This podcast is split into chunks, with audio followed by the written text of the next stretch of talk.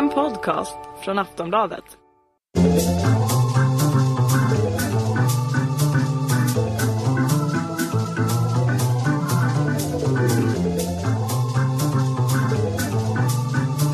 We don't need no education.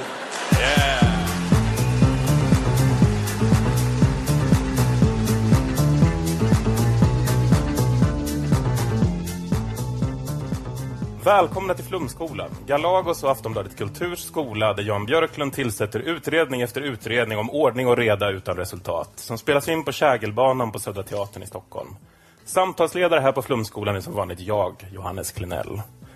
Inskrivna och redo för upprop i dagens avsnitt är inga mindre än Moa Svan, talkshowvärd och komiker. Jag fick en busvissling, den tackar jag för. Därifrån, tack. Judith Kiros, litteraturvetare och skribent.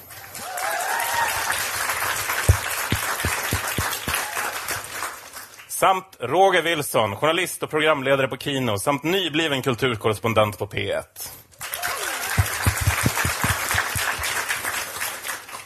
Idag ska vi läsa en bok av miljöpartisten som var Sveriges yngsta riksdagsledamot långt innan Anton Abele ens var en blinkning i sin farfars öga. Ingen mindre än Gustav Fridolin.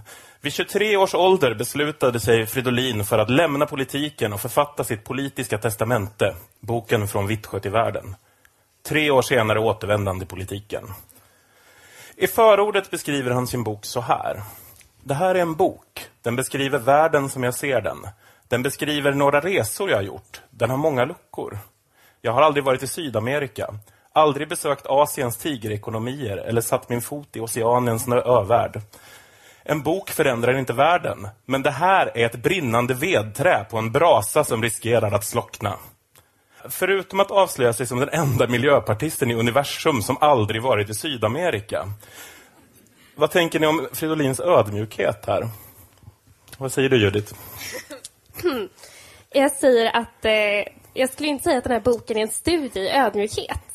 Eh, om någonting så är det väl mer en studie i eh, Gustaf Fridolin krystar omkring världen som en miljömessias och liksom frälser dem han kommer förbi, skulle jag vilja säga. Vad säger du Man? Ja, alltså om vi ändå är inne på vad den skulle beskriva så skulle jag nog mer beskriva den som en vendetta mot Folkpartiet. För om det är någon han är extra arg på så är det liksom Folkpartiet. Eh, Jan Björklund, eh, Lars Leijonborg, Rojas. Eh, han, eh, han vill gärna liksom eh, ge dem en extra snytning. Vilket jag tycker är lite så, ja, det är inte ödmjukt i alla fall. Vad säger du Roger? Det känns som att drivkraften har varit att om man håller ett politiskt tal så finns det någon sorts maxgräns på några timmar kanske som det kan vara. Och nu så fick han äntligen en chans att skriva ur sig allting. Um, det är långt. Väldigt långt. Och ändå känner han att det finns luckor. Mycket märkligt. Alltså jag tänkte ibland att han kan ju också vara väldigt ödmjuk och kanske inte alls talar i metaforer. Tror ni han ville att vi faktiskt skulle elda upp boken? Är inte ett fruktansvärt slöseri med jordens resurser? Ja, böcker brinner ju inte så bra. Det vedträ brinner mycket bättre. Nej, jag tycker han är väldigt, eh, han är väldigt ödmjuk på, på så sätt att han pratar ganska lite om sig själv. Eh, för början är väldigt mycket så, ja, jag, jag, jag, jag är från Vittsjö. Men ganska mycket handlar ju om att han beskriver i princip så saker som man redan har läst någon annanstans. Du tänker inte att det blir lite mycket av honom själv i och med att eh, varje kapitel är en ny resa som Gustaf Fridolin gör och nya bekanta han möter som alla kastar sig framför honom och säger saker som Gustaf Fridolin, du är min enda vän här i världen. Hur kan vi göra världen till en bättre plats, Gustaf Fridolin? Oroa dig inte, lille du. Det här ska jag skriva en bok om en dag. Det är lite Fast, så. fast jag vet ingenting om honom mer än att han ligger lite för länge i solen och solar och blir, blir bränd ibland. Och så vet jag att han svettas när han är i rak. Och det är väl så personligt det blir, tänker jag. Och så har han en kompis med konstant nageltrång. Vi ska komma till det. Vi, vi tar det lite längre fram. Vi, vi, vi går vidare här. Jag har en till här på vänner, kan inte jag få ta den på en gång? Men jag kommer till vänner också. Okej. Tänk på Charlie, så går vi vidare. För att det bästa är ju att han, efter, han, han får nämligen slut på vänner efter ett tag. Så till slut så refererar han till en kompis kompis. Och då känner jag så här, den personliga, du vet kompisarna tog slut. Det räckte inte till alla kapitel. Ja. Sen har jag mera sen då. Ja. Boken vi läst som är pocketversionen som gavs ut ett år efter den första upplagan då Fridolin inlett en karriär som journalist inleds så här. I den här pocketversionen av boken kan man följa med på en journalistisk resa till de svenska soldaterna som verkar i bergstrakterna runt Hindukush i norra Afghanistan. Resten av boken är alltså skriven under min tid som politiker. Och kanske är någon tvärsäker uppfattning eller något polemiskt inslag av sådant slag att det journalistiska ramverket gör att jag borde lägga mig till med en brasklapp. Det är ju klart att man hinner utvecklas och tänka till när man efter ett drygt decennium lämnar partilivet. Men ändå, jag är inte typen som ber om ursäkt för det, den jag är. Och det står jag för. Alltså, vad tror ni författaren vill säga med att den 23-årige politikern Fridolin känner att det är viktigt att förklara för den ett år äldre 24-årige journalisten Fridolin att han inte ångrar något? Som journalist så tar jag det som en personlig ursäkt för att han kallar det för journalistik, tänker jag. Jag förstår inte vad som är det journalistiska i det här. Visst, han träffar ju personer och pratar med dem i, i texten kanske en halv sida. Sen är det ju bara Fridolin och Fridolin och sen lite Fridolin på det. Alltså det är, vad är journalistiken? Moa? Tänk Ja. dig nu att jag är din producent igen. Vad är journalistiken? Eh, I journalistiken handlar om att han, jag tror det finns ett inslag som man skulle kunna tänka sig, för han reser ju väldigt mycket. Det känns ju som att han på något sätt har gjort en jävla massa resor, dragit av dem på företaget och inser att om jag blir granskad nu så kommer jag inte ha någonting att visa på. Så då kan han liksom peka på den här boken och säga så här, se, allt var en enda stor researchresa från att jag var 17 eh, till nu. Fast han är riksdagsman. Han har nog inte behövt betala det här överhuvudtaget. Nej okej, ja men det är ju det är ju soft. Han kanske har dragit av traktamente då. Nej men han träffar ju en, en han är ju på det här, vad heter det, Ground Zero i New York, där han pratar med någon tjej där som berättar saker som han själv beskriver som att det är som att vara i en Hollywoodfilm. Och där tänker jag att den här människan har han nog pratat med bara för att han tänker att det kan han använda en dag.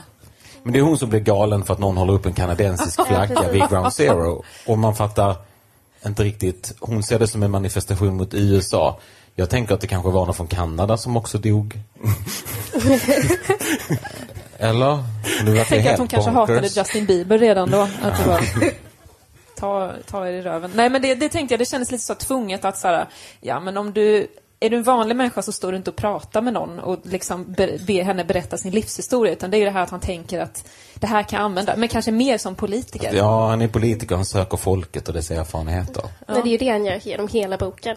Liksom ingen lidande person får vara i fred för Gustav Fridolin under hans världsturné i misär. Du menar de som, Där blivit, du, har du aids? Hej, jag heter Gustav Fridolin. du menar de som har blivit avvisade som man sen söker upp i Bosnien? Eller Ja, precis. Ja. Med ännu en vän också. Vi ska återkomma till, till Folkpartiet här faktiskt. För han skriver när solidaritetsrörelsen definierats av de som kallar sig vänster och skriver tjocka böcker hamnar så många utanför. Det finns mängder av liberaler i Europa som ser islamofobin och diskrimineringen, som ser ockupationerna och krigen och som önskar sig ett alternativ. De känner sig inte hemma i en beskrivning av världen som olika civilisationer i en ändlös ödesmättad kamp mot varandra. Utan de vill se bakom, vill se orsaker. De ser att världen snarare består av byggda murar än en clash of civilizations. Men alla dessa människovännerna blir hemlösa när solidaritetsrörelsen blir snävt socialistisk. I de låtsasliberala partierna kan de inte vara. Där har man ju för länge sedan förklarat att bomber är det enda islamisterna förstår. Att muslimerna per definition inte är demokrater och att det enda som kan få Afrika att växa är fler plantager de kan odla spännande frukter åt oss. De låtsasliberala är lika instängda som de socialistiska testuggarna. De verkligt liberala är hemlösa. Jag tycker det här var lite intressant. Vad menar egentligen Fridolin med de verkligt liberala, tror ni? Maria Wetterstrand. Jag tyckte det där var jättekul.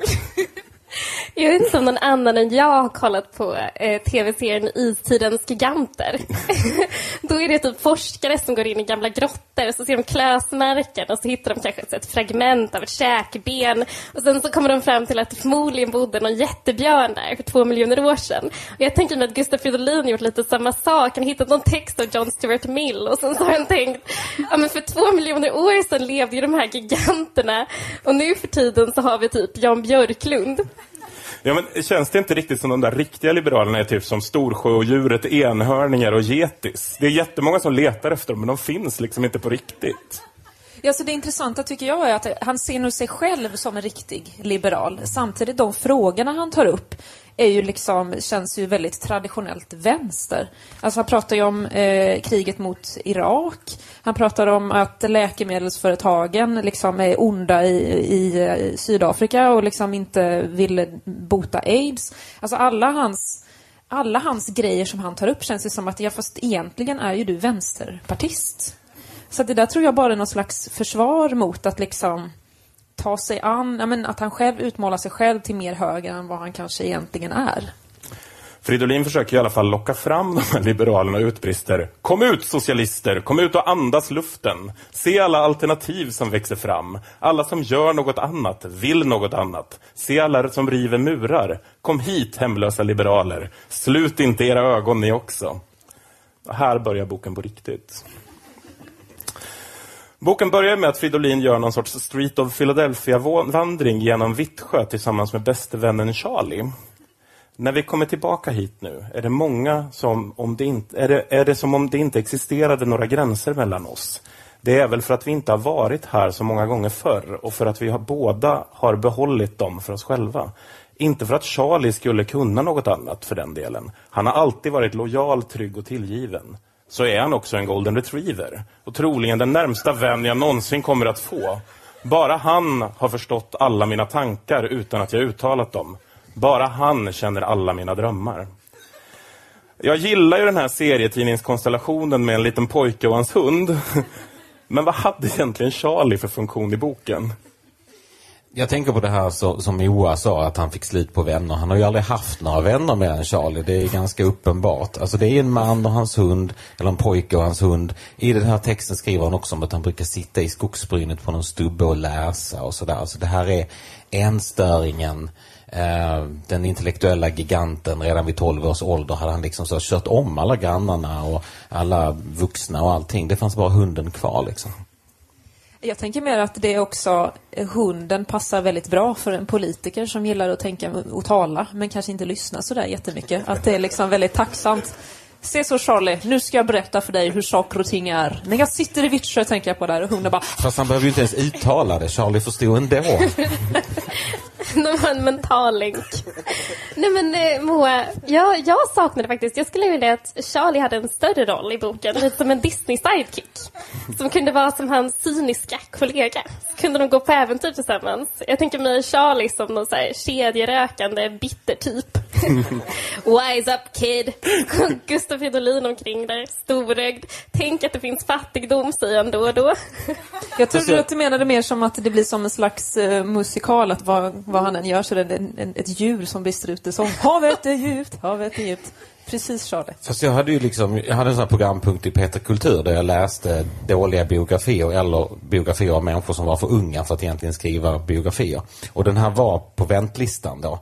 Och då trodde jag ändå att jag skulle få reda på någonting om Gustaf Fridolin. men du vet, hur är det att vara lillgammal när man är tre? Uh, hur är det liksom att vara en politisk broiler och hoppa av? Alltså den här fantastiska fake-grejen han har gjort. Varit en politisk broiler, hoppat av för att inte vara en politisk broiler och sen komma tillbaka igen. Det snackar om liksom falsk varudeklaration eller så ursprungsmärkning. Ja, han tar ju upp det med politikerförakt och upprörs över att politikerförakt handlar om rättmätigt förakt. Och den, den eh, lilla valsen förstod jag inte riktigt. Att man har rätt att vara liksom, kritisk mot politiker, men det är ju inte politikerförakt. Så han, eh, han vill på något sätt både ha kakan och äta den, kan man lite känna. Han skriver efter det här sedan mormor och morfar flyttade till Vittsjö har mycket hänt med byn och med Sverige. När jag föddes i början av 1980-talet hade visionen om folkhemmet slagit rot också här. Det var den dröm om samhället som efterkrigstidens Sverige kunde samlas kring. Alltså, nog för att Fridolin är lillgammal, men alltså efterkrigstiden på 80-talet. Vad betyder det här? Vad sa du, vatt på landet? Jag är uppvuxen i något som heter Eskatorp och folkhemmet har fortfarande inte kommit dit. Men jag undrar, liksom så här, vad är det för krig han pratar om? Liksom, han är född 83, är det Falklandskriget? Hade det liksom så här en jätterelevans i Vittsjö av någon anledning? Fast det märks ju att tiden funkar lite annorlunda för Gustaf Fridolin när man läser den här boken. Jag tänker så här att ett år i vår värld i kanske 20 Gustav Fridolins värld. Det är som hundår fast ännu fler alltså. Härifrån tar vi oss 700 år tillbaks i tiden till ursprunget till valborgsfirandet fram till idag då Fridolin håller tal för Vittsjöborna. Han skriver hade prästerskapet på 1300-talet vetat vad som komma skulle hade de nog uppmuntrat jäknars och drängars årliga tilltag för att på så sätt få fler personer intresserade av klockornas belägenhet och försvara dem mot Vasaätten. Men inte ens dåtidens kyrkomän kunde se in i framtiden. Så festfixarna fick inte använda klockorna utan tvingades istället tända stora eldar för att kalla till fest på Valborgs namnsdag. Fortfarande innebär, de, innebär valborgsmässoafton högtid och fylla i Skåne och på andra håll i landet. Men de traditionsenliga valborgstalen är nog en senare uppfinning än själva högtiden. 1999 hade jag möjlighet att hålla det där talet i Vittsjö tillsammans med min mor. Han fortsätter med att skriva jag målade upp en, vi- en vision av Vittsjö som kunde se sig själv i världen och hitta sina egna förutsättningar i baksmällan av folkhemmet. Han fortsätter talet. Framtidens revolution kommer inte styras av smågalna ledare utan av människor som dig och mig bosatta i Vittsjö, Emmaljunga, Gnosjö eller Skärholmen. Jag vet inte riktigt, men en 19 år gammal kille som just beskrivit hur historiens vingslag för honom 700 år framåt i tiden till när han håller ett valborgstal med sin morsa inför ett gäng skånska bönder och börjar tala om framtidens revolutionärer. Hur nära gränsen för smågalen ledare känns han egentligen? Är det liksom inte lite så här Joffrey Baratheon från Vittsjö över honom här? Vad säger ni? Jag tänker bara på det här när han säger att, eh, att han liksom pratar om fylla i Vittsjö. Vi har ju redan fått höra att han sitter i skogen och läser bok med sin kompis Charlie. Och det här är lite, det är lite märkligt. Varje gång han skriver sex, eller som jag såg vid ett tillfälle, kinesisk porr, så hajar jag liksom till och tänker, är det här liksom försök att verka lite så, ja men normal och inte den här eh, lillgamla politikern som redan liksom som treåring hade skrivit sitt första manifest och liksom mamma tittar på och liksom ja vad vackert, är det en tiger? Nej, det är ett manifest. Det, det känns lite, lite konstlat måste jag säga. Men det där valborgstalet, det, det roliga det som du inte tar med det är ju att folk eh, när han, han höll det där talet inte gillade talet. Och hans tolkning var väl lite, kanske var jag naiv men jag hade drömmar. Så, ja. Eller så var det ett dåligt tal. Kanske inte riktigt var rätt tid Men han rätt ger, ju, plats. han ger ju verkligen inte upp på det här talet heller. Utan fem år senare berättar ni att någon ringer honom och säger tack för det där talet. Eh, Jag vet inte om du kommer komma till det, men han försöker ju lansera ett begrepp i det här talet. Johan avslutar med att utbrista Vi är alla glokala. Vad kände ni inför det?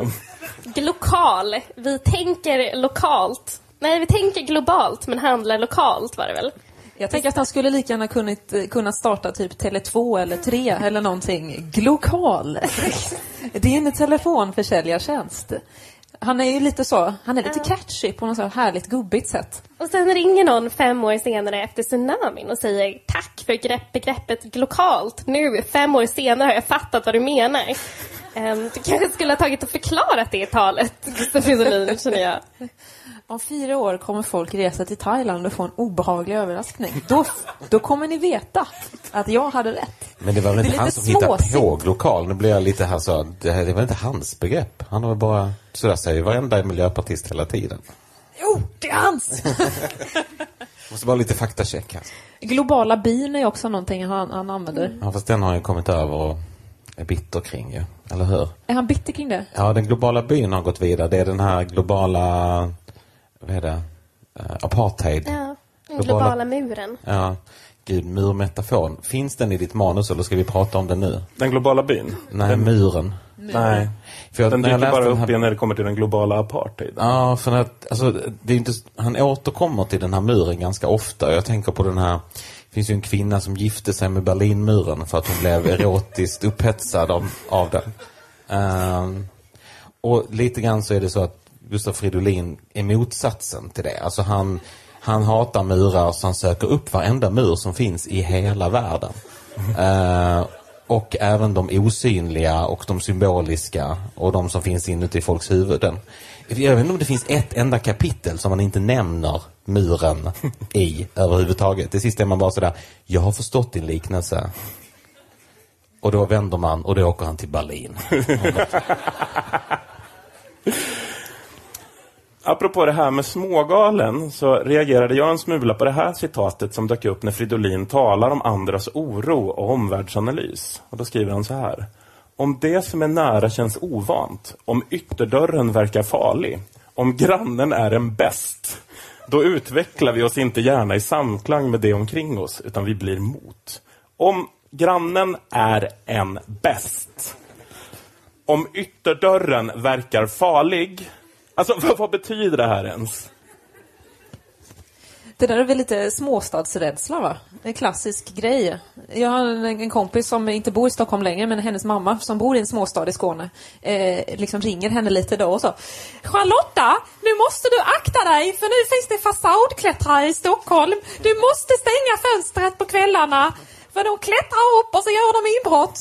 Och hon lite såhär, ja, ja, ja, mamma, visst. Och varje gång hon ska åka hem över påsk så är det så, akta dig för påsktrafiken! Som är så ovanligt farlig från en annan trafik. Eh, och, och sen så då när eh, när liksom det finns eh, en misstänkt fasadklättrare i, i Stockholm så skickar min kompis en, en, liksom en artikel till mig så här, kolla min mamma hade rätt. Och lite så är det ju med Gustav Fridolin också. Han liksom målar ju upp en rad mänskliga, eller liksom så, rädslor. Och det är bara så, ja men du har rätt, grannen är en bäst. Det, vad ska man säga? Fridolin fortsätter med att skriva Min flytt till Stockholm sammanföll med folkhemmets sammanbrott. Jag är ingen psykolog. Men hur ser ni på Fridolins förmåga att placera sig själv mitt i historiska skeden? Vad säger du Judith? Men jag tänker jag kan kanske vill illustrera kaosteorin. Liksom, om en, eh, en fjäril fladdrar med vingarna i Amazonas regnskogar så kanske en orkan börjar här, här i Sverige. Om Gustav Fridolin eh, stänger igen ytterdörren för hårt så kanske folkhemmet rasar samman. Det var nog det han menade, eller syftade till när han sa jag ber inte om ursäkt för något. Jag står fast vid mitt ord. Att han har i efterhand fått lite så kritik. Vad, vad var det du menade egentligen? Men kanske var det så att Vittsjö rasade samman när han flyttade. För sen kom han väl tillbaka och det finns, man kan bara äta hamburgare. Han återkommer till några hamburgare. På tåg, eh, tågcentralen finns kvar, man kan köpa hamburgare. Det går inga tåg. Precis, det går inga tåg. Så Han han, tog väl det sista tåget och sen sa det, han har åkt äntligen, nu stänger vi tåglinjen. Kanske får vi lite större förståelse för Fridolin när han tänker att det kan verka lillgammalt av en ung man att drömma sig bara några år bakåt i tiden. Men ibland känns det som att världen förändras snabbt. Tror ni att det faktum att Fridolin upplever det som att han fötts under efterkrigstiden och att han flyttat till Stockholm exakt samtidigt som folkhemmet kollapsar kan ha någon koppling till att han känner att världen förändras lite snabbt? Han, han gör ju också förutspåelser i den här boken. Han skriver fortsätter partierna att tappa medlemmar i samma takt som idag kommer ingen svensk alls att vara medlem i ett parti år 2012. Vilket jag tänker att han har fel.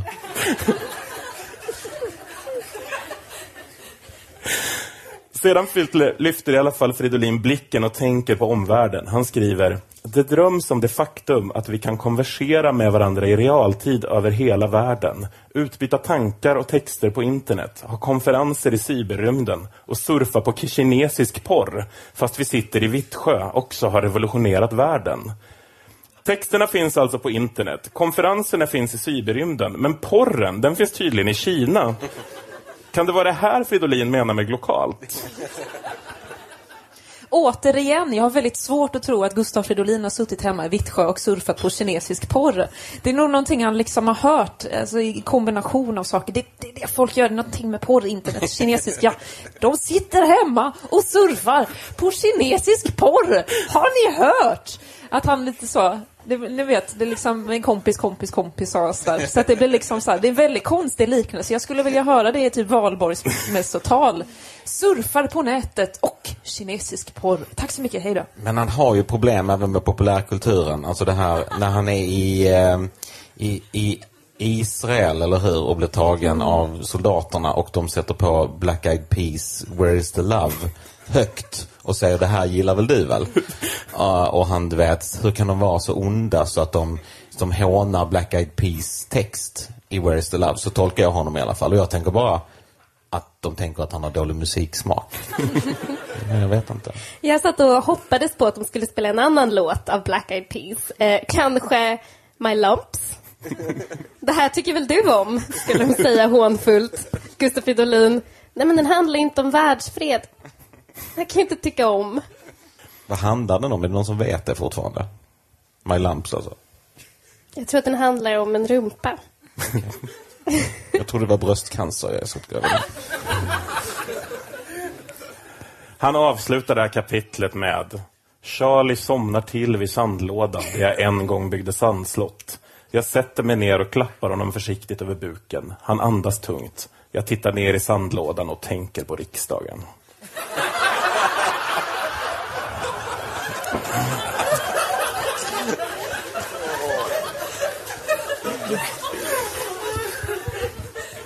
Efter det här så ägnar Fridolin hundratals sidor åt att berätta om sina resor till bland annat Bagdad, Gaza, Tirana, Ljubljana och Örebro.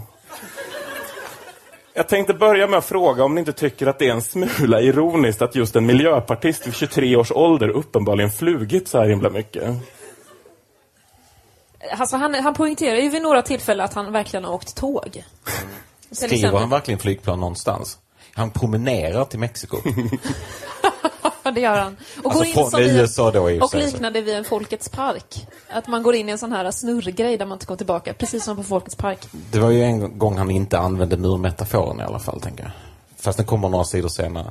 Ja, men den var väl ganska tydlig där ändå, murmetaforen. Men jag tycker att han... Eh, det roliga är ju när han faktiskt berättar grejer som är så här äkta. Alltså det jag sa tidigare, att det handlar inte så himla mycket om honom. Det är något tillfälle han är och de ska ha så här rödgrön get together när de diskuterar det här med arbetstid och arbetslöshet och han säger så här eh, Jag säger något om sänkt arbetstid. Sossarna skrattar och reser sig upp för att gå mot sjön. Min partikamrat skäms.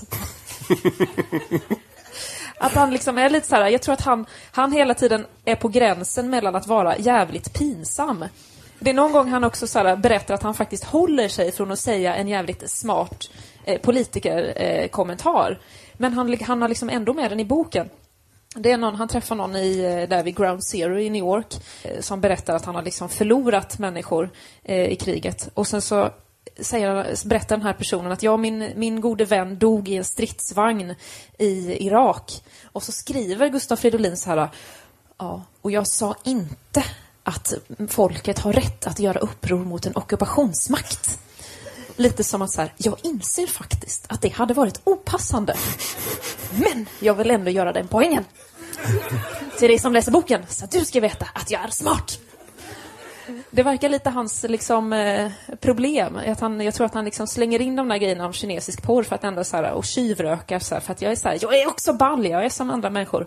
Men egentligen vet man att det enda han tänker är liksom politik och argumentation och liksom så här, okej, i det här sammanhanget kan man inte säga att vi borde sänka arbetstiden, men gör det ändå. För att det är så här, jag är Gustav Fridolin, jag måste säga det. Men vad är det Fridolin vill berätta med sina resor egentligen? Här, de är ju bara förevändningar för att han ska komma med sina olika politiska teorier. Så att det, det finns ju, precis som vi sa innan, det finns ungefär en halv sida. Eh. Det är ju lite så att han använder exakt samma grepp hela tiden, så det blir väldigt repetitivt. Det är som att han har gått en kort kurs i levande berättande. Som börjar med en scen, en person, ett öde och sen kommer ju liksom programförklaringen. Ganska lång sån, som fortsätter. Men hur realistiskt tycker ni att det är att han i alla de här länderna hittar någon liksom gråtande typ som han kan liksom sätta sig på knä bredvid och prata med? Tänkte ni på det där kaféet som de hamnar i, eh, som visade sig vara en bordell? Och eh, Gustaf Fridolin har inte förstått det här, utan han beskriver en av de prostituerade som om det vore en person på film. Det var liksom så här, Vi ska faktiskt komma till det. Ah, oj, Det jag håller en- på det. Men liksom att varenda ny stad han kommer till så är det liksom Mattias gråter. Han tänker på systern han förlorade under kriget. Eller svälten. Eller olyckan. Jag tänker på fred.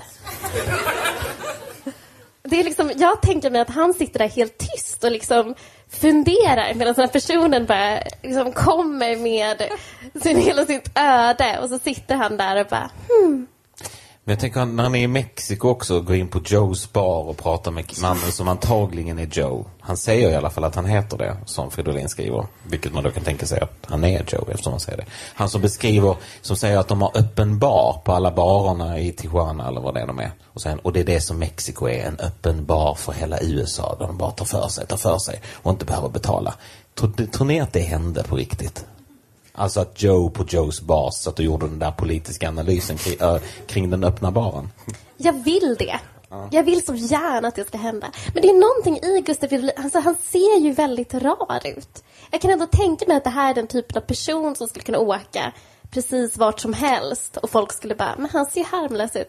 Han kanske vill veta vad som hände med min mormors kusin i Ja. olyckan. Det kanske är så att de ska ta hand om honom. Att det är människor som har en sån här ta hand om-komplex. Och så ser de Gustav Fridolin och tänker, måste ta hand om. Och så har de liksom råkat ut för massa saker på grund av det här ta hand om-komplexet.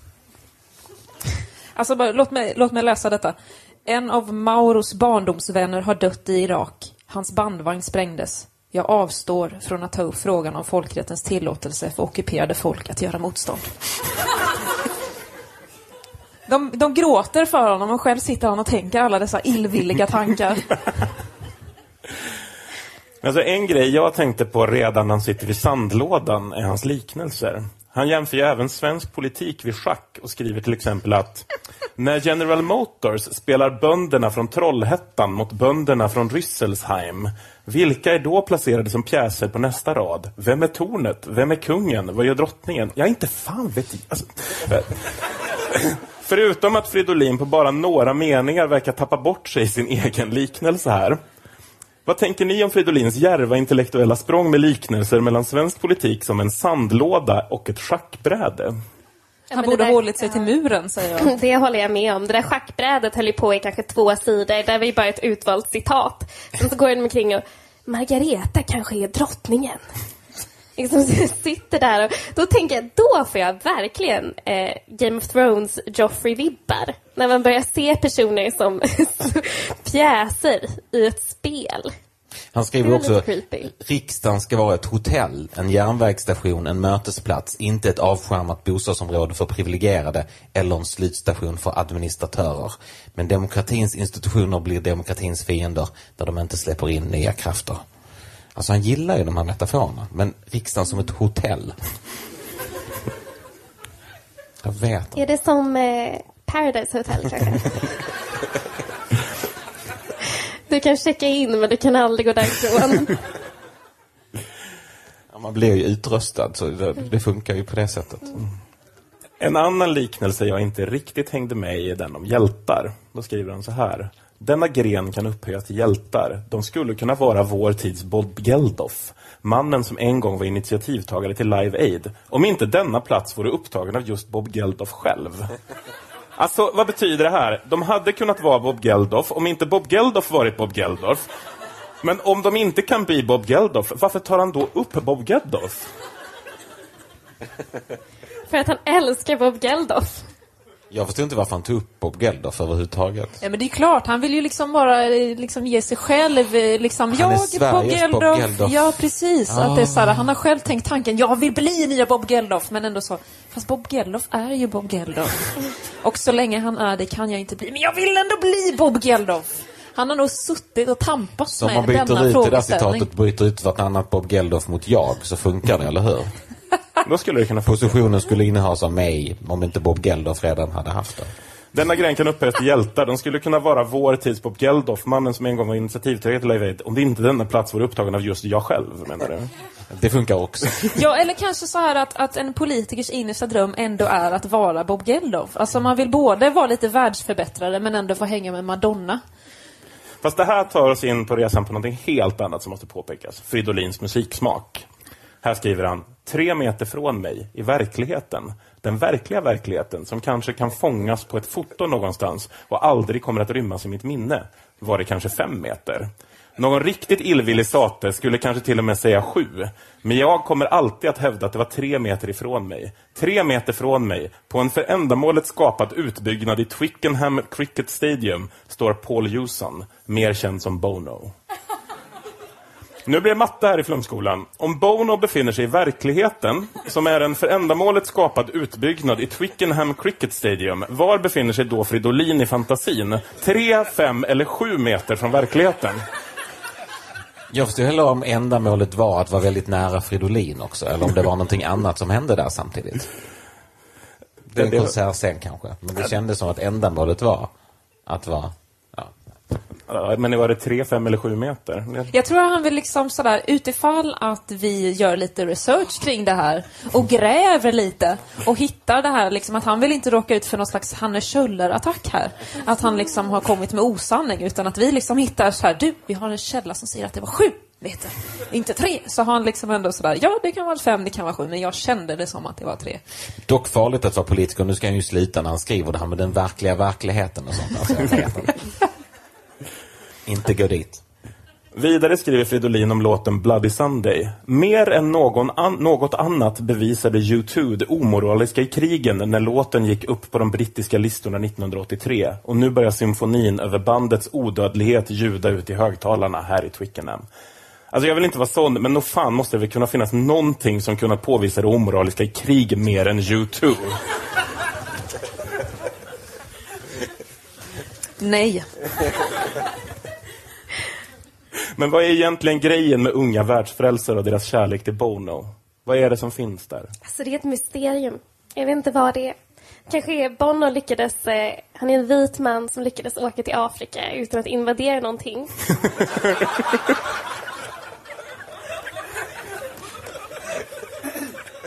Om han kan, kan vi alla.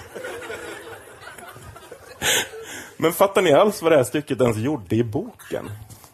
Alltså det var någonstans efter Bono som jag slutade läsa där faktiskt. Bara började bläddra lite framåt. Det var så himla tråkigt. Jag vet inte. Han var väl inte, var han ens född när Live Aid var? Men du, det gick, Nej. en, det gick en, en ny version eh, Jo, som det- jag minns var för kanske typ fem tio år sedan. Jo, jag vet, men ja. Så att jag tror det är den han refererar till och liksom har gjort lite research då. Vem Jo, jag var vet, Bob men Geldof? Bob Geldof blev ju ändå s- nu av, som äldst i salongen eller... Du menar under efterkrigstiden? Ja, någon, det, Bob Geldof blev väl ändå Bob Geldof där Bob Geldof, du vet, hela den grejen. Fast är Bob Geldof Bob Geldof eller kanske kan Gustav Fridolin? Cirkeln sluts när Gustaf Fridolin skriver Bono tar under Twickenham-konserten tillfället i akt att tapka Bob Geldof. Vilket då också är Fridolin. Så att det... Men alltså det är ju mycket i den här boken som man undrar varför det är där. Till exempel så skriver han så här. Det har blivit med demokrati som med sex. Vi kommer dit. Vi kommer dit. Bästa teaser någonsin. Han avslutar i alla fall kapitlet om musik med, en, med det här citatet. En sak till är säker. När det svänger som bäst märks kampen som mest. Han När pratar ju om internationalen såklart. Givetvis. Upp till kamp emot kvar. För han är ju egentligen vänster. Jag tror att det är det boken handlar om. Vi ska backa en smula till det här stycket. När morfar ler vet man att han döljer något. Den här sensommaren log han det där särskilda sneda leendet där han satt i hörnet av vår altan och var mätt efter att i flera timmar sugit i sig av vad de röda kräftstjärtarna haft att ge. Han log och tittade på mig. Jag gillar inte vad du gör, sa han. Jag har aldrig gillat politiken. Aldrig trott på politiker. Det ljugs, hycklas och spelas spel. Det är ett ovärdigt skådespel. Det bryr sig inte om vad de sagt. De bryr sig bara om att få röster och om sin egen vinning. Jag är rädd att, för att du ska bli som dem. Att du ska sluta känna, att du inte ska förstå, att du ska vända det du bryr dig om ryggen. Jag gillar inte vad du gör. Hur tror ni egentligen Fridolin mår här? Ja, det är helt uppenbart att det är morfars fel att han hoppar av politiken. Jag tror att han mår jättebra. Han är ju nästan, han har ju stått fem, sju eller tre meter från Bono. Vad säger du Roger? Alltså jag har ingen aning. Det är jättekonstigt. För att han säger, jag gillar inte vad du gör, men du... Han säger ju samtidigt att, att Fridolin inte är som de andra. Samtidigt som han inte gillar vad Fridolin gör. Vad är det Fridolin gör som han inte gillar? Hjälp mig. Han blir en av dem, politikerna. För han han har är- väl gått där med sin gräsklippare. Det här är ett liksom. sätt att föra fram kritik mot sig själv på, där han ändå framstår som lite bättre än alla andra. Det är det som är det konstiga. Det, det ser ut som en sån här bekännelse. Det ser ut som att min morfar gillade inte vad jag gjorde. Han, han tro, trodde inte på politiker. Men samtidigt lyckas han ändå få in att du kanske blir som dem. Alltså är han ändå lite bättre än alla andra. Mind games. Backdoor bragging kanske? För att få svar på den här frågan ser jag egentligen ingen annan möjlig lösning att helt enkelt välkomna Miljöpartiets språkrör Gustav Fridolin upp på scen, om han vågar vara kvar här i lokalen.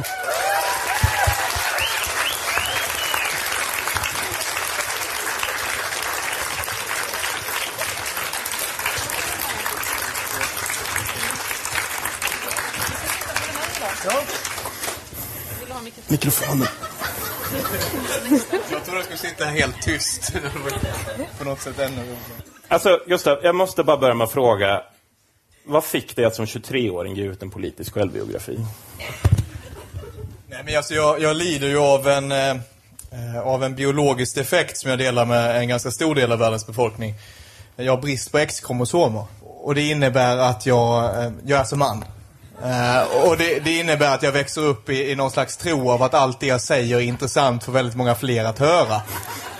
Och det underlättas ju inte av att man kommer in i riksdagen som 19-åring. Eller att man skriver en sån här bok som en massa 68-farbröder skriver trevliga recensioner om. Det var ju bara Katrin Kelos som då vågade säga det ni äntligen har sagt nu. Tack Katrin. Man skulle väl också kunna skylla på din bästa vän Charlie också, som aldrig protesterar utan sa allt du säger är jättebra. Nej, han sa aldrig emot. Det ska också erkännas att jag inte har varit helt ärlig här. Jag jobbar inte bara på förlaget som gav ut den här boken. Jag var också marknadsförare för den.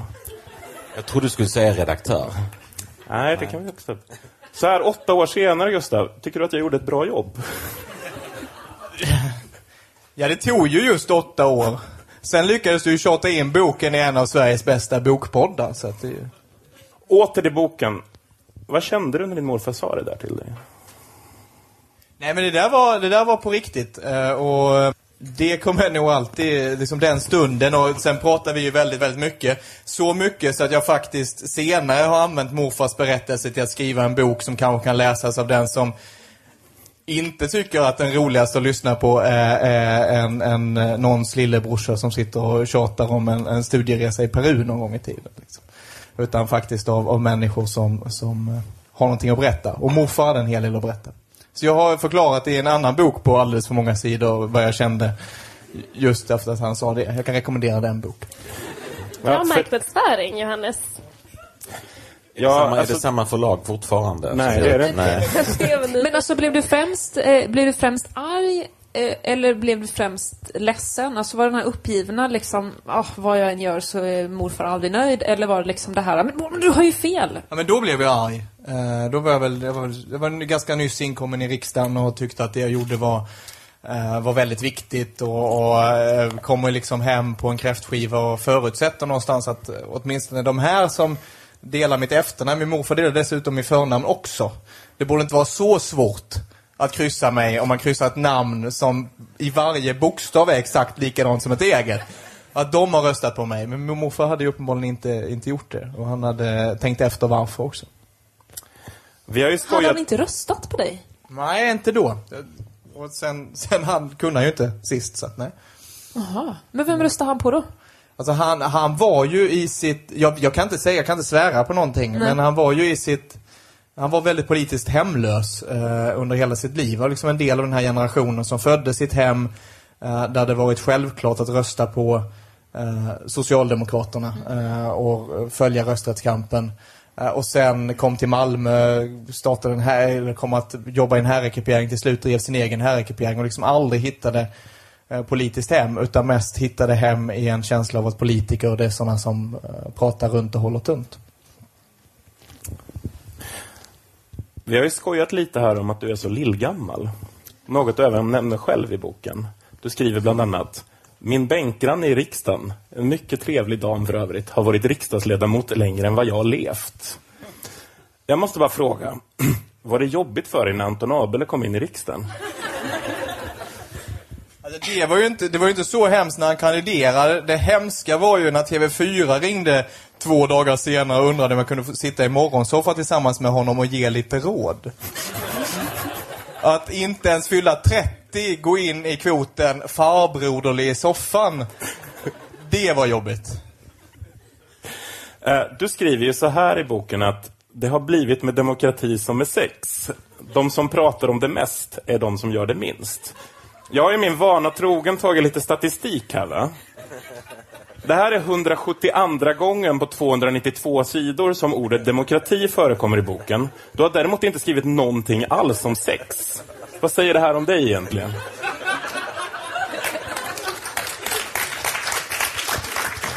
Jag var 23 och gav ut en bok. Det är klart det fanns delar av världen där jag fick ligga. Eh, Din företrädare Per Gahrton däremot skrev ju en väldigt, väldigt mycket om sex i sin bok Partikongressen, men inte så mycket om demokrati. Var den ett sorts rop på hjälp? Nej men alltså det ska man ju ha med sig när man recenserar den här boken. Att jag, jag hamnade ju väldigt ung i ett parti vars litterära tradition är medelålders män som berättar om sina sexuella erfarenheter. Och jag vill gärna att ni liksom jämför den här boken med det trots allt. Och, och för att det liksom ska bli en hygglig betygssättning i slutändan. Så det var någon sorts vågskål mot allt det tidigare som hade kommit från Schlaug och Gahrton där alltså. Ja, där finns ingen, ingen strandscen, alltså är den sämre än Schlaug och Gahrton. Fast du hånglar vid pyramiderna. Är det någon sorts eftergift mot eh, partipiskan? Ja, det ligger ju dessutom i efterordet. Så att det... Jag trodde du slutade läsa någonstans vid, vid, vid Bono där, men det... Eh, sedan skriver du, Gustav. Den gemensamma grund som Socialdemokraternas medlemmar samlas under är så tunn att det med fog kan ifrågasättas om den finns. Vilken åsikt du än har i någon bestämd fråga så kan du alltid hitta en del, organiserad eller outtalad, av det socialdemokratiska arbetarpartiet som håller med dig. Känner du fortfarande så här för sossarna? Ja, eh, sen ska man ju komma ihåg då att... Eh, jo, men det gör jag. Men man ska ändå komma ihåg att jag skrev det här utifrån att ha varit politiskt aktiv i reaktion mot eh, socialdemokratiska regeringar. Och i reaktion mot vad socialdemokratiska regeringar gjorde och mot socialdemokratiska regeringar som aldrig riktigt levde upp till vad de lovade vitt och brett och här och där. Och jag kunde liksom inte föreställa mig vad som skulle komma istället. Nu kan jag tyvärr föreställa mig det. Vidare läser vi. Vänta lite, betyder detta att nu har ni demokrati sex ihop och det hade ni inte då, så då var det lite mer sur? Jag hängde inte med nog. Ja, men det är ju som demokrati med sex, as you know. Så att det är liksom, innan, innan detta, eller liksom då hade ni inte liksom det här demokratiandet ihop. Det hade vi Och nu ju, har ni mer ett demokratiförhållande ihop. ja, fast då hade vi ju det jämnt. Vi satt ju liksom de här förhandlingarna. ja, vi hade demokrati jämt. Vi satt i de här långa hånglande förhandlingarna till sent på natten.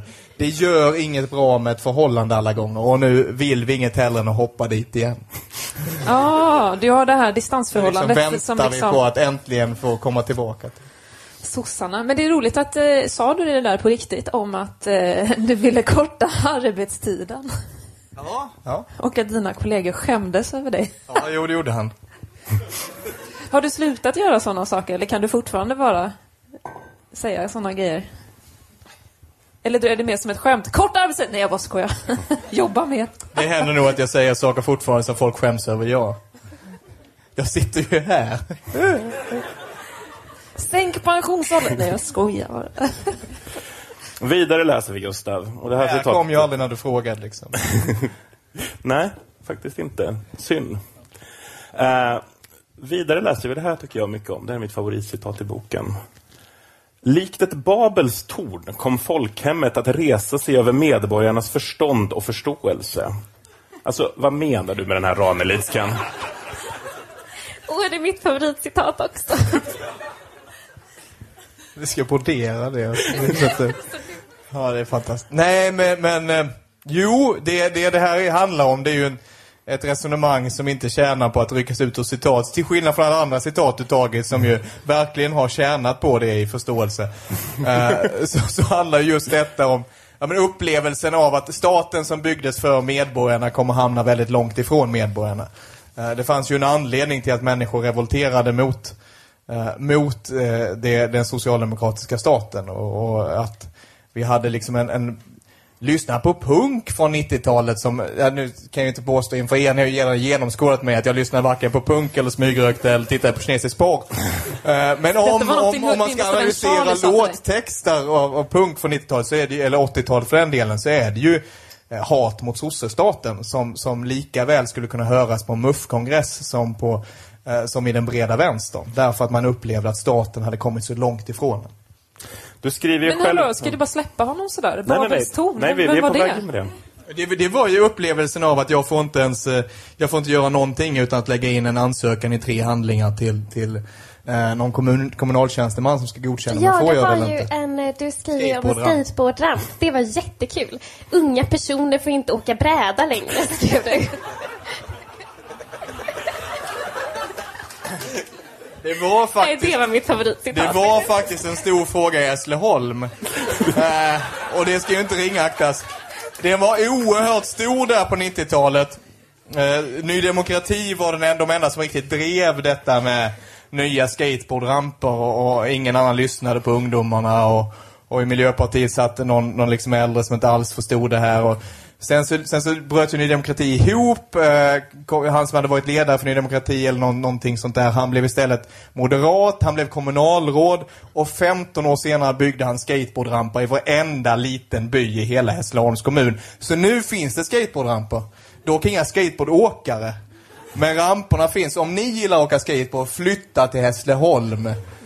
Det är bara ett tips. Dessutom har tågen börjat gå igen. Tycker du i och för sig att det är roligare att åka, åka bräda? Det är väl roligare? Åka bräda. De knyter händerna i fickorna, de där skateboardåkarna. Annat citat. Gustav, du skriver ju själv som uppföljning på det här att varje Jag samhällsbyggnad... gjorde i alla fall ett försök att svara på din fråga. Jag vill ändå, jag vill ändå ha det antecknat till kvällens protokoll. Jag gjorde ett seriöst försök att bemöta frågan seriöst. Erkänn att egentligen så var ditt första utkast att alla hade rätt att spela schack.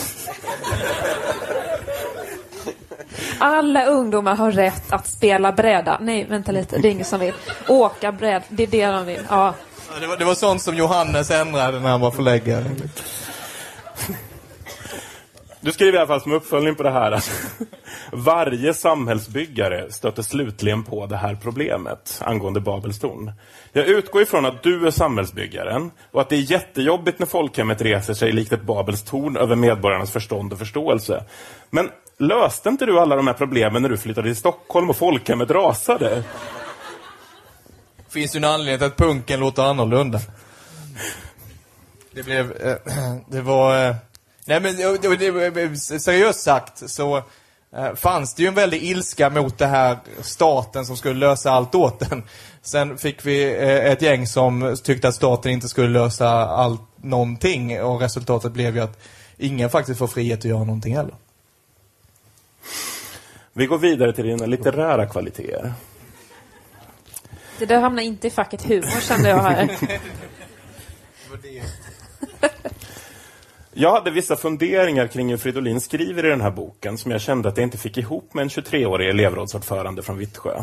Nyckeln till de känslorna tycker jag att går att läsa in i inledningen till ett av kapitlen. Det inledde med Jag gillar Martin. Han är min kompis kompis. Bodde inte så långt bort utan att vi egentligen umgås särskilt ofta eller mycket har våra intressen genom livet varit påfallande lika. Vi har haft samma vänner, samma dataspel, samma sommarjobb på fabriken, samma tjejer och märkligt lika dagdrömmar. Och så Bukowski förstås. Det var om våra drömmande samtal, det var om det våra drömmande samtal handlade, mina och Martins. Om det och om Charles Bukowski. Det är praktiskt att snöa in på en poet som gett mer, ut mer än 45 böcker. Man anar liksom aldrig slutet på konversationsämnet och det är alltid en trygghet. När vi hade haft vakna nätter över hans böcker Postverket, Faktotum eller Kvinnor och det ville sig... Nakna nätter. Nej, vakna nätter. Okej. Jag lovar. Eh, och det ville sig riktigt illa kunde varje mening innehålla en referens till den druckne estradören. Nyckeln är alltså självaste Charles Bukowski. För er som inte känner till Charles Bukowski så kan man säga att om Arne Anka är A-kursen i alkoholromantiskt gymnasiepretto så är Bukowski själva kurslitteraturen på B-nivå. Jag hade nog aldrig anat att det skulle vara en litterär förebild för riksdagsgossen som beskrev sig själv som en smula lillgammal vid 23 års ålder. Men spåren kan finnas där i texten. Jag tänker nu att vi ska leka en liten lek som jag valt att kalla Gustav Fridolin eller Charles Bukowski. Där jag läser ett citat och den i panelen som kan gissa vilken av författarna som skrivit det får poäng. Bäst av fyra. är citaten alltså från boken eller är det från mina samlade inlägg i riksdagen? Nej, det är från boken. Du får inte gissa, Gustav. Nej, Gustav är domare. Vi börjar med det här citatet. Jag var bakfull som vanligt. Det var värmebölja igen. En hel vecka med över 50 graders värme. Betty och jag drack som vanligt varenda kväll. Och, tidigt på morgnarna. Och sen, dagen var det sen på, under dagen var det stenskallen och alltings omöjlighet. En del av killarna bar afrikanska tropikhjälmar och solglasögon. Men jag var ungefär som vanligt i alla väder. Sliten klädsel och skor så gamla att spikarna hela tiden stack mig i fötterna. Jag stoppade in wellpapp i skorna, men det hjälpte bara ett tag. Snart började spikarna äta sig in i mina hälar igen. Whiskyn och ölet rann ur mig. Sprutade i floder ur armhålorna och jag knallade vidare med mitt lass på ryggen som ett kors och drog fram tidningar, delade ut tusentals brev, raglade, fastsvettad, svartsvettad vid solens sida. Någon kvinna skrek åt mig. Brevbäraren, brevbäraren, det här ska inte hit. Vad säger ni? Gustaf Fridolin eller Charles Bukowski? Jag skulle säga att det är, jag skulle säga att det är Fridolin. För han får ett kapitel som ströks. Ja, jag har hört att det var, den här boken egentligen var 750 sidor lång, Gustav, från din förläggare. Stämmer det? Det blir jävligt många tweet. Men alltså det här med skor, alltså det här att du hade, att du hade spikar i skorna, var det efterkrigstiden då? Att man inte hade gummisulor än? Ja, det, det här, ja. Kan jag få en gissning?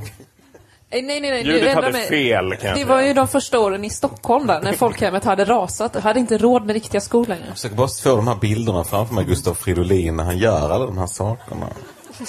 Det är jättefint. Nej, men man, man förstår ju varför du återkommer till de här lite naturalistiska greppen i, i din bok. Alltså när du får lite rövsvett i Irak i den här taxin till exempel. Eller, eller när du bränner dig i solen i Mexiko och måste ligga tätt intill dina kompisar i sängen för att det bara finns en fläkt på rummet. Och så ligger ni där halvnakna insmorda i pomada. Det är ändå lite Bukowski light. Vi tar nästa citat. Det där var från eh, Bukowskis debutroman Postverket. Det stämmer. Gustav har fått ett poäng. Jag vill, jag vill också påpeka att det påstås om Bukowski att han intill sin skrivmaskin hade, text, hade en liten lapp där det stod eh, Behåll bra text, stryk dålig text. Sen gav han ut 48 Jag fick böcker. aldrig den lappen. Vi går vidare till nästa citat. Klockan hade precis blivit åtta när Eliasson dök upp i regeringens gamla sammanträdesrum i kanslihuset, som nu används för partierna och riksdagsutskottens seminarier.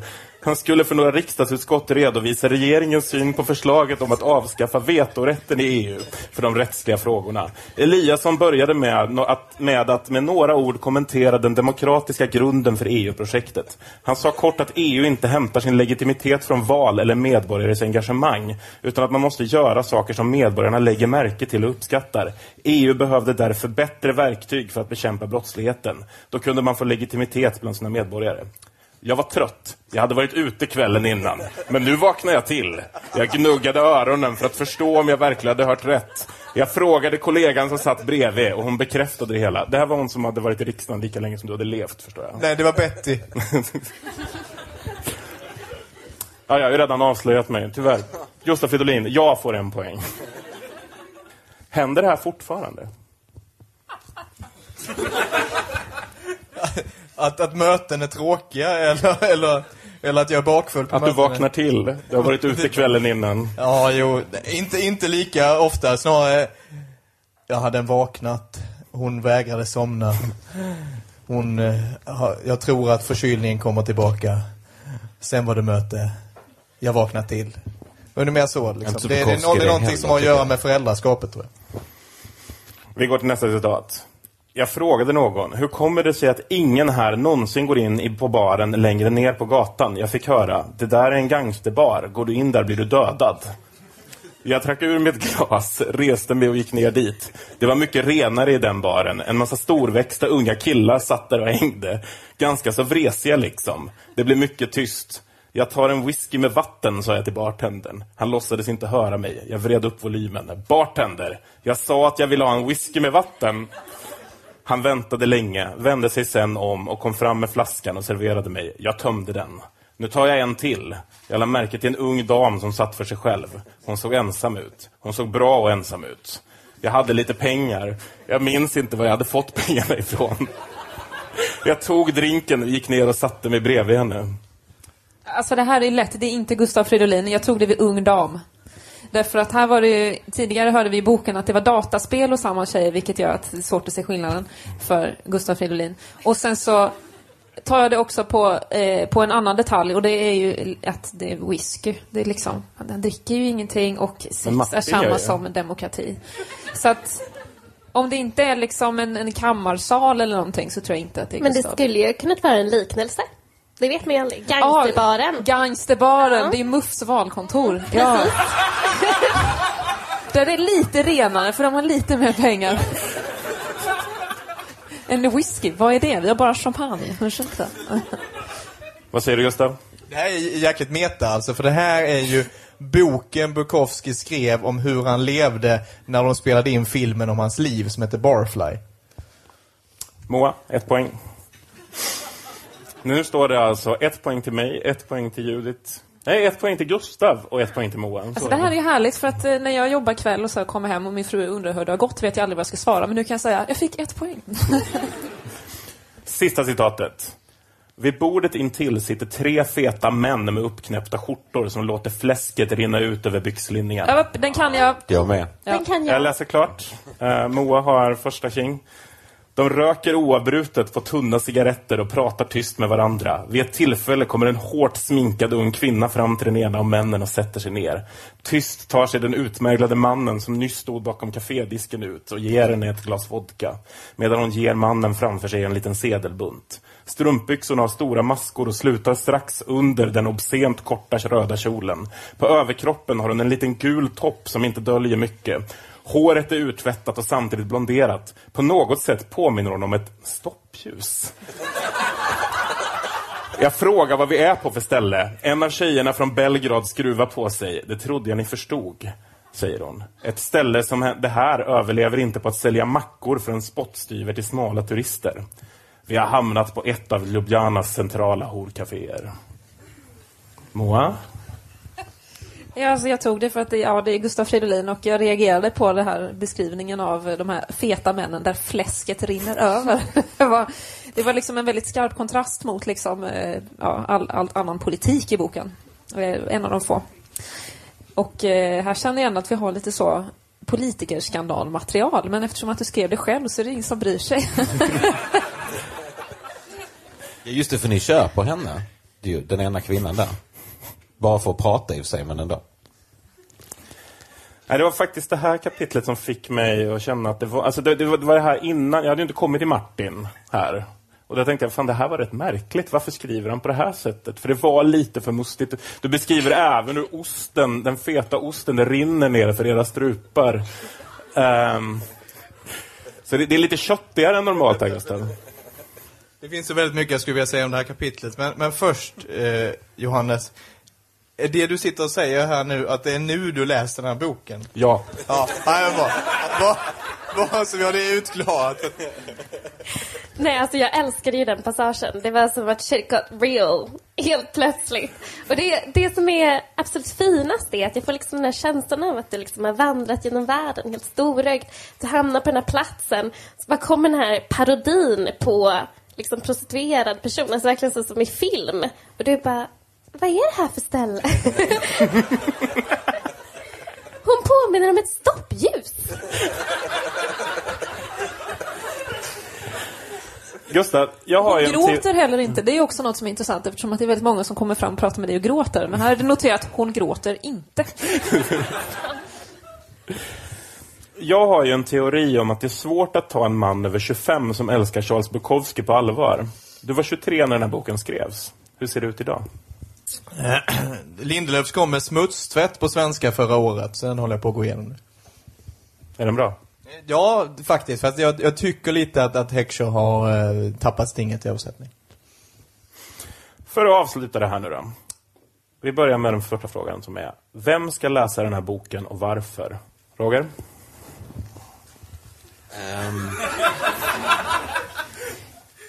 förlagsredaktörer för att se hur man inte ska göra. Eh, man kan alltid skära i en text, är min princip. Behåll bra text, stryk dålig text. Sjätte gången poängen matas in, ta bort den. Så kanske. Det är sådär, man läste den så var det sådär, men jag fattar, jag fattar. Och då tänkte jag faktiskt just också vem som skulle läsa den. För eh, Gustav Fridolin-fans tycker ju alla de här sakerna som Gustav Fridolin tycker redan. Så att eh, inte någonting för de trogna tror jag. Det finns ingenting nytt här. Utan förlagsredaktörer, så det finns mycket att lära här. Man ska komma ihåg att den blev månadsbok i Ordfront. Och att Ordfronts medlemsutveckling inte varit lysande. Apropå placera in sig själv i historiska skeenden. Vad säger du Judith? Vem ska läsa den här boken? Um, det satt jag faktiskt själv tänkte på. Jag tänkte inte jag. Ehm, men Gustaf Fridolin kanske skulle läsa den här boken. Jag tänker, kan man få en uppdaterad version kanske? Där du tar bort mursymboliken kanske. Byter ut den mot någonting annat. Um, kanske andra ord som existerar. Som, som eh, klass eller rasism eller, eller fördomar eller någonting sånt. Jag vet inte. Det skulle också funka. Inte för att de orden inte förekommer, men just, eh, just muren är så här, ja, händer? Eh, sen så kanske jag skulle vilja att ehm, eh, låtsasliberalerna läser den här boken. Eller? Det var ju förhoppningen. Du såg så förstörd ut när du sa det där. Man ska ju också komma ihåg, apropå att placera in sig själv i historiska skeenden, eh, att vid det här tillfället så var, om jag inte minns fel, Folkpartiet Sveriges tredje största parti. Medlemsutvecklingen där har inte heller varit lysande. så någon kanske har läst den. Vad säger du Moa? Eh, nej, men jag ska vara så tråkig och vara allvarlig. Och eh, för det första så tycker jag den som någonstans börjar bli lite nostalgisk över 00-talet ska läsa den och komma ihåg vad det var vi faktiskt pratade om då. Och den här boken är lite av ett tidsdokument. Jag känner igen mycket. Det här var tiden vi pratade om kriget i Irak. Vi pratade om aids-epidemin. Vi pratade om fattigdom. Vi pratade om globaliseringens konsekvenser. Vi pratade om trafficking. Det gör vi inte idag. Vi pratade inte om... Vi, innan vi gick hit så pratade jag och Judith lite kort om de här massdemonstrationerna som nämns. Eh, både jag och Judith var på en av dem mot kriget i Irak där man var så här 20 000 personer i Stockholm, 20 000 pers i Göteborg. Alla demonstrerade. Idag så har vi demonstrerat i Kärrtorp mot rasism i Sverige och i Kärrtorp. Alltså på något sätt det här globaliseringsperspektivet som var väldigt inne och populärt då och tycker jag nog att vi har tappat lite. Alltså när Barack Obama fick fredspriset dog lite den här rörelsen. Vi tappade på något sätt den här stora fienden. George W Bush är ond, eh, kolonialismen lever kvar. Det hände någonting där, så att jag tycker framförallt att man ska läsa den som ett tidsdokument. Eh, och som sådant är det väldigt bra och liksom eh, intressant. Sen så skulle jag väl också vilja nu eftersom att det är val att inte låtsas liberalerna utan de äkta liberalerna läser boken. För om man inte ser den som en Gustav Fridolin som 23 utan eh, den som Gustav är idag så kan man ju också se det som ett alternativ att liberaler slutar rösta på Folkpartiet som bara vill ha ordning och reda utan kanske rösta på till exempel Miljöpartiet istället. Det skulle vara en positiv utveckling så slipper vi alliansen. Så det var de två. Sista frågan nu då. Vad har ni lärt er av att läsa den här boken? Judith? Att det är svårt att skriva böcker. Håll er till 250 sidor, eh, har jag lärt mig. Och ehm, eh, res alltid med Gustaf Fridolin. Du verkar träffa så intressanta människor. Synd Eh, bara att Gustav också- Fridolin helst reser själv. Eller med Bob Geldof. Roger? Ja, ehm, helt, helt, helt uh, tappad här nu. Vad har jag lärt mig? Att jag egentligen är ganska nyfiken på Gustaf Fridolin och vill veta mer om hur man blir en broiler, tror jag. Alltså att jag längtar efter den riktiga självbiografin som handlar om Gustaf Fridolin. Mer om Gustaf Fridolin och mer, min, mer om Gustav, mindre om världen. Ehm, så tänker jag. Vad säger du Moa? Vad har du lärt dig? Ja, jag slapp inte undan. Nej. Eh, nej, jag vet inte om jag har eh, lärt mig så mycket, utan jag liksom är en selektiv läsare. Jag läser det som bekräftar min världsbild och det andra tänker jag, "Åh, det här förstår jag inte. Och så bläddrar jag vidare. Så jag är svår att lära mig någonting nytt, tyvärr. Vad har du lärt dig att läsa den här boken, Gustav? Ja, att det var skönt att jag aldrig hade föresatsen att som 23-åring skriva en biografi. För det var det inte. Jag har i alla fall lärt mig att varje samhällsbyggare till slut stöter på problemet med att folkhemmet reser sig som ett Babels torn. Ja, och att om Bono är verkligheten, då stannar jag nog sju meter in i fantasin. Men jag glömmer aldrig att när det svänger som bäst, då märks kampen som mest. Med de orden vill jag tacka panelen och be om stor applåd för Moa Svan, Judith Kiros, Roger Wilson och Gustav Fridolin. Ja, och givetvis Bob Geldof såklart. Tack till er i publiken. Stanna gärna kvar och ta en öl.